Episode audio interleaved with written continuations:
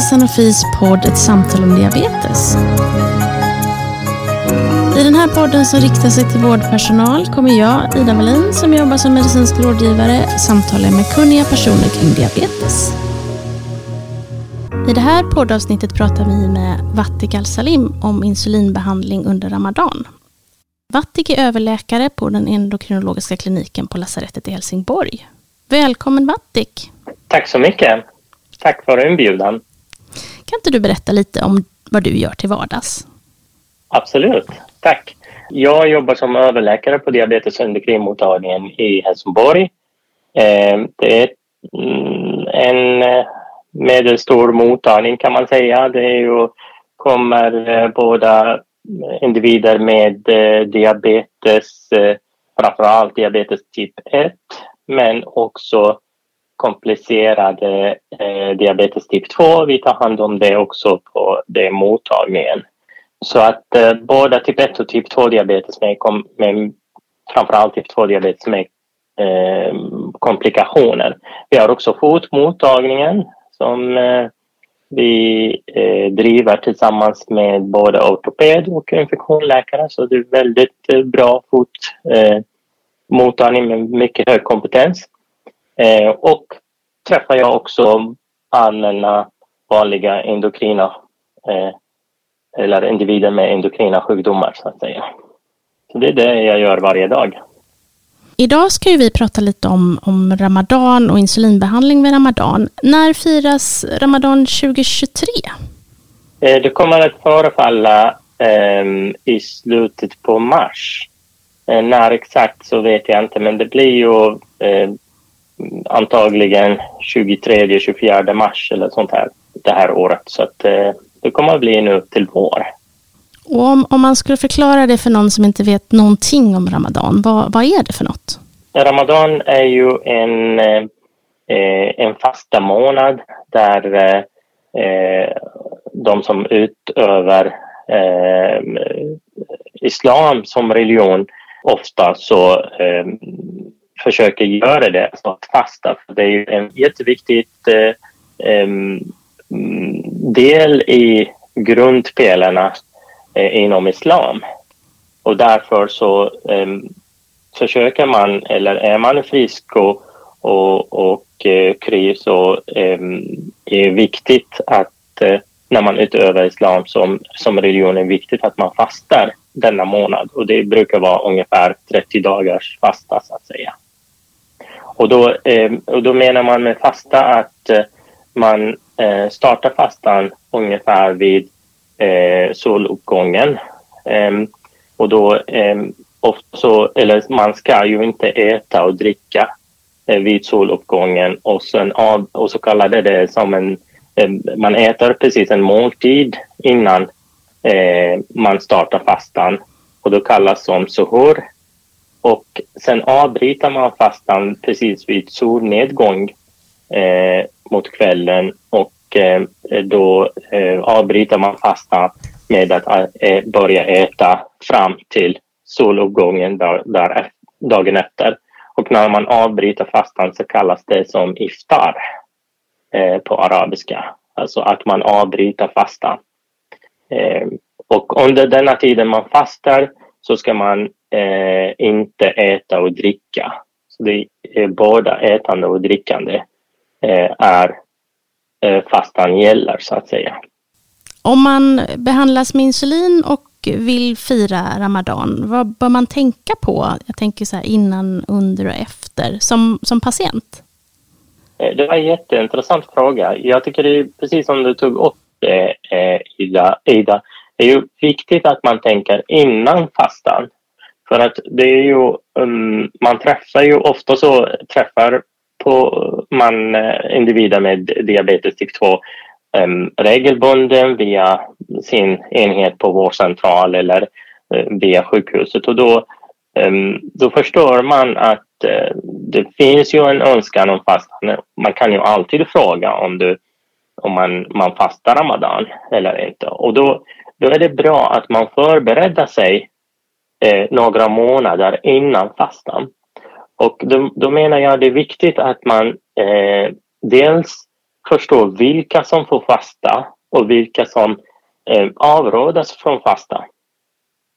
Och om vi, om vi börjar med att avråda från fastan som sjukvårdspersonal eh, så tycker jag det är viktigt att alla individer med diabetes med komplikationer, till exempel med kardiovaskulära komplikationer, med njur, njursvikt och allt, eh, allt andra komplikation, fotsår, ehm, är ju viktigt att man eh, försöker avråda dem från fasta. Ehm, det är också de eh, individer som har förhöjt långtids långtidsblodsockervärden, alltså HbA1c. Förhöjt HbA1c är viktigt över 80 så är det viktigt att man avråder dem starkt från fasta. Så man, listar, man kan lista ut en del eh, individer som har typ 2-diabetes som säger som sjukvårdspersonal, vi säger liksom vi, vi avråder det här från liksom fasta kommer att påverka vederbörande eh, och, dessa personer negativt och därför så avråder man det. Ehm, när det gäller typ 1 diabetes så finns ju starkt eh, rekommendation eh, nationellt eh, eller internationellt från eh, både EASD och från ADA att man absolut inte ska fasta. Så eh, då avråder man starkt från att, att fasta. Eh, individer som har insulin och eh, vill fasta och eh, har möjlighet till det med, med med tanke på om de ligger bra i sina blodsockervärden och eh, ligger bra i blodsockerkontroller. De, de har möjlighet att fasta. Dels att de, det är viktigt att de mäter blodsocker. Man råder, man råder dem att mäta blodsocker regelbundet och att man avbryter fasta om blodsocker börjar sjunka under 3,9. Eh, till exempel att man ska avbryta fasta. Eh, man ska också avbryta fasta om blodsocker ligger över 16,9 eh, millimol per liter. Det vill säga att typ, du både vid låga, vid hypoglykemi och vid hyperglykemi är det viktigt att man själv ska avbryta sin fasta.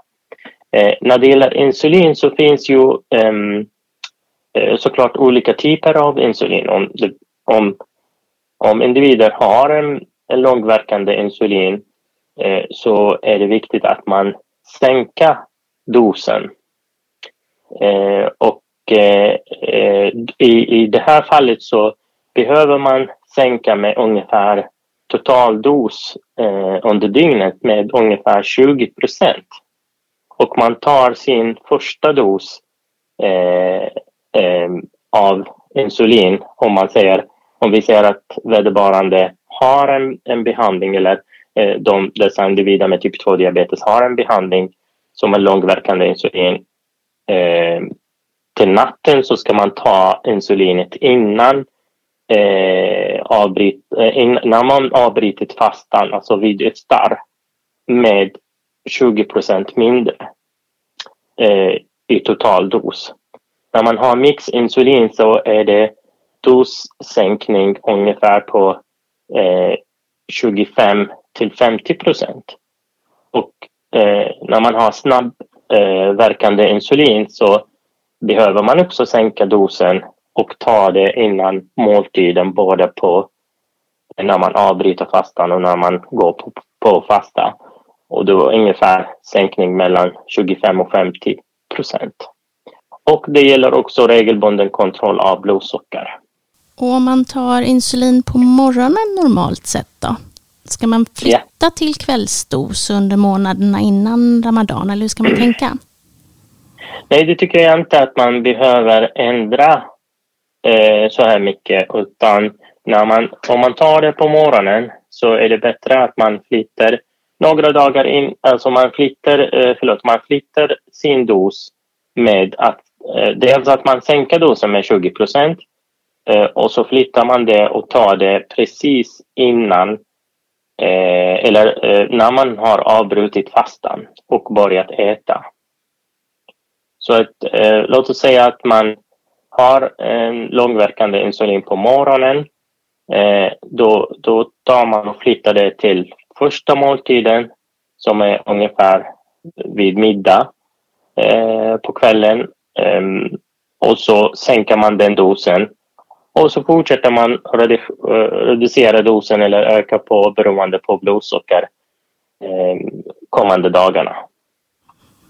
Och om man har då råkat lite illa ut och hamnat för lågt eller för högt och varit yeah. tvungen att avbryta fastan, brukar du då rekommendera att man inte fastar mer det här året eller kan man liksom försöka efter några dagar igen? Ja, alltså det är ju viktigt egentligen att man har dialog med sin, eh, med sin diabetessköterska och eh, kollegorna på eh, läkarna på vårdcentralen. Och jag tycker själv att har man råkat, i, har man råkat för en, en framförallt hypoglykemi, alltså låga blodsockervärden, så är det viktigt att man försöker undvika och att preppa fasta under de kommande dagarna och helst att inte fasta resten av månaden. Uh, för att risken är ganska hög att upprepa sig. Och det blir ju allvarliga konsekvenser eh, med detta. Mm. Och det är samma sak när det gäller om man ligger högt hela tiden i blodsocker och då menar jag um, över, över 16 i blodsocker. Eh, trots att man justerat dosen av sin insulin. Efter ramadan då, är det någonting man ska tänka på då med sin insulinbehandling där man, man ska öka upp dosen igen och så tänker jag? Ja, ja Alltså det, det är ju så också, man får ju, man får ju fundera på eh, måltiderna, vad man äter också. Och måltiderna skiljer sig ganska mycket från under Ramadan till efter Ramadan och speciellt efter Ramadan så börjar man fira eh, eh, Ramadan med eh, så kallade med högtid, eh, Idel, Idel Eh, och det är ju, det betyder att man liksom ökar på sin eh, kolhydratintag ganska mycket. Och det är ju viktigt att man återvänder till sina gamla doser och till och med eh, insulindoser och till och med öka eh, de eh, doserna eh, i motsvarande intag av kolhydrat också. Eh, när det gäller, ehm, eh, viktigt också att tänka på när det gäller själva måltider under eh, Ramadan Eh, är ju viktigt att anpassa det till, ehm, eh, till också blodsocker och till insulindoser. Och att man försöker, man, det är viktigt att man eh, som person med typ 2-diabetes får råd att eh, fortsätta äta långsamma kolhydrater. Ehm, det finns en, en tradition att när man avbryter fastan eh, äta dadlar. Ehm, eh, och eh, den här är liksom väldigt vanlig tradition. Och enligt rekommendationer egentligen att man får göra det men man kanske ska äta max två, tre stycken dadlar för att varje dadelbit daddelbit innehåller, den är ju väldigt, väldigt kolhydratrikt. Den är ungefär, alltså om man äter två så är det ungefär 50 kilokalorier, 50 kilokalorier kolhydrater eh, så det är ganska mycket rejält kolhydrat eh, som man får i sig. Eh, så det, det, är viktigt att man diskuterar måltider och att man, man fortsätter med samma rekommendationer, långsamma kolhydrater och maten ska anpassas eh, till individen med typ 2-diabetes och inte eh, som frisk individ. För att under fastan är ju vanligt att man äter man samlas. Det brukar vara en, en, en högtid hela, hela månaden. Och då, då samlas många familjer och då brukar man bjuda på ganska mycket och så blir det ibland lite svårt att eh, eh låta bli och äta mycket eller äta en del kolhydrater som man bjuds på med mycket tårta och, och eh, annat också. Eh, speciella bakelser och sånt här. Det låter ju lite smaskigt. Eh, jag tänkte som, som vårdgivare till en, en patient som har då typ 2-diabetes och som behandlas med insulin och vill fira Ramadan. Är det något särskilt man ska liksom tänka på? Ska man ta med familjen i samtal eller?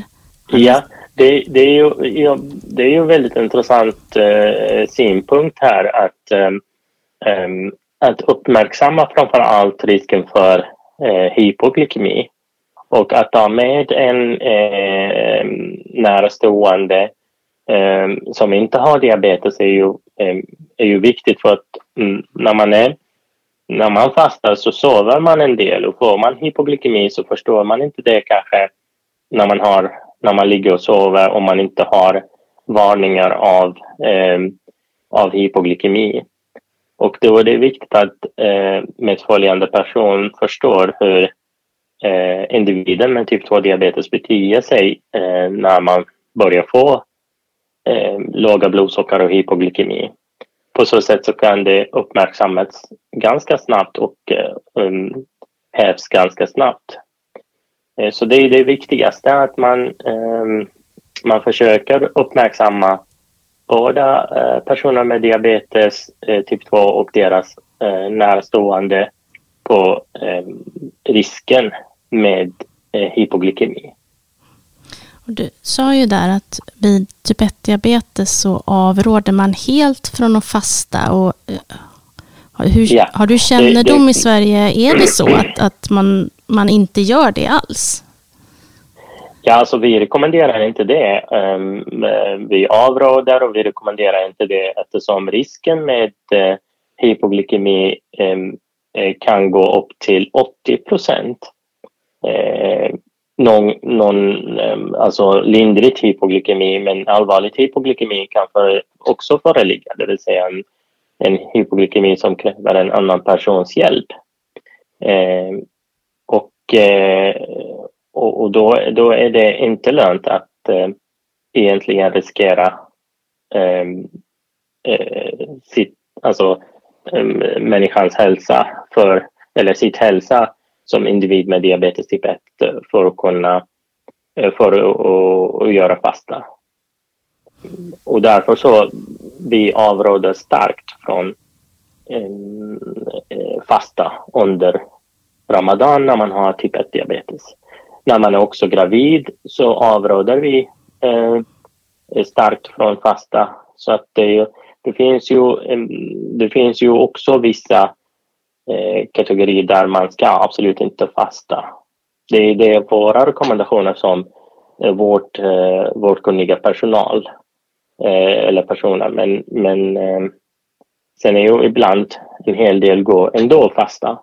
Men, och då kan man hjälpa dem och försöka tala med dem och eh, eh upplysa dem att fastan blir riskabelt och skadligt.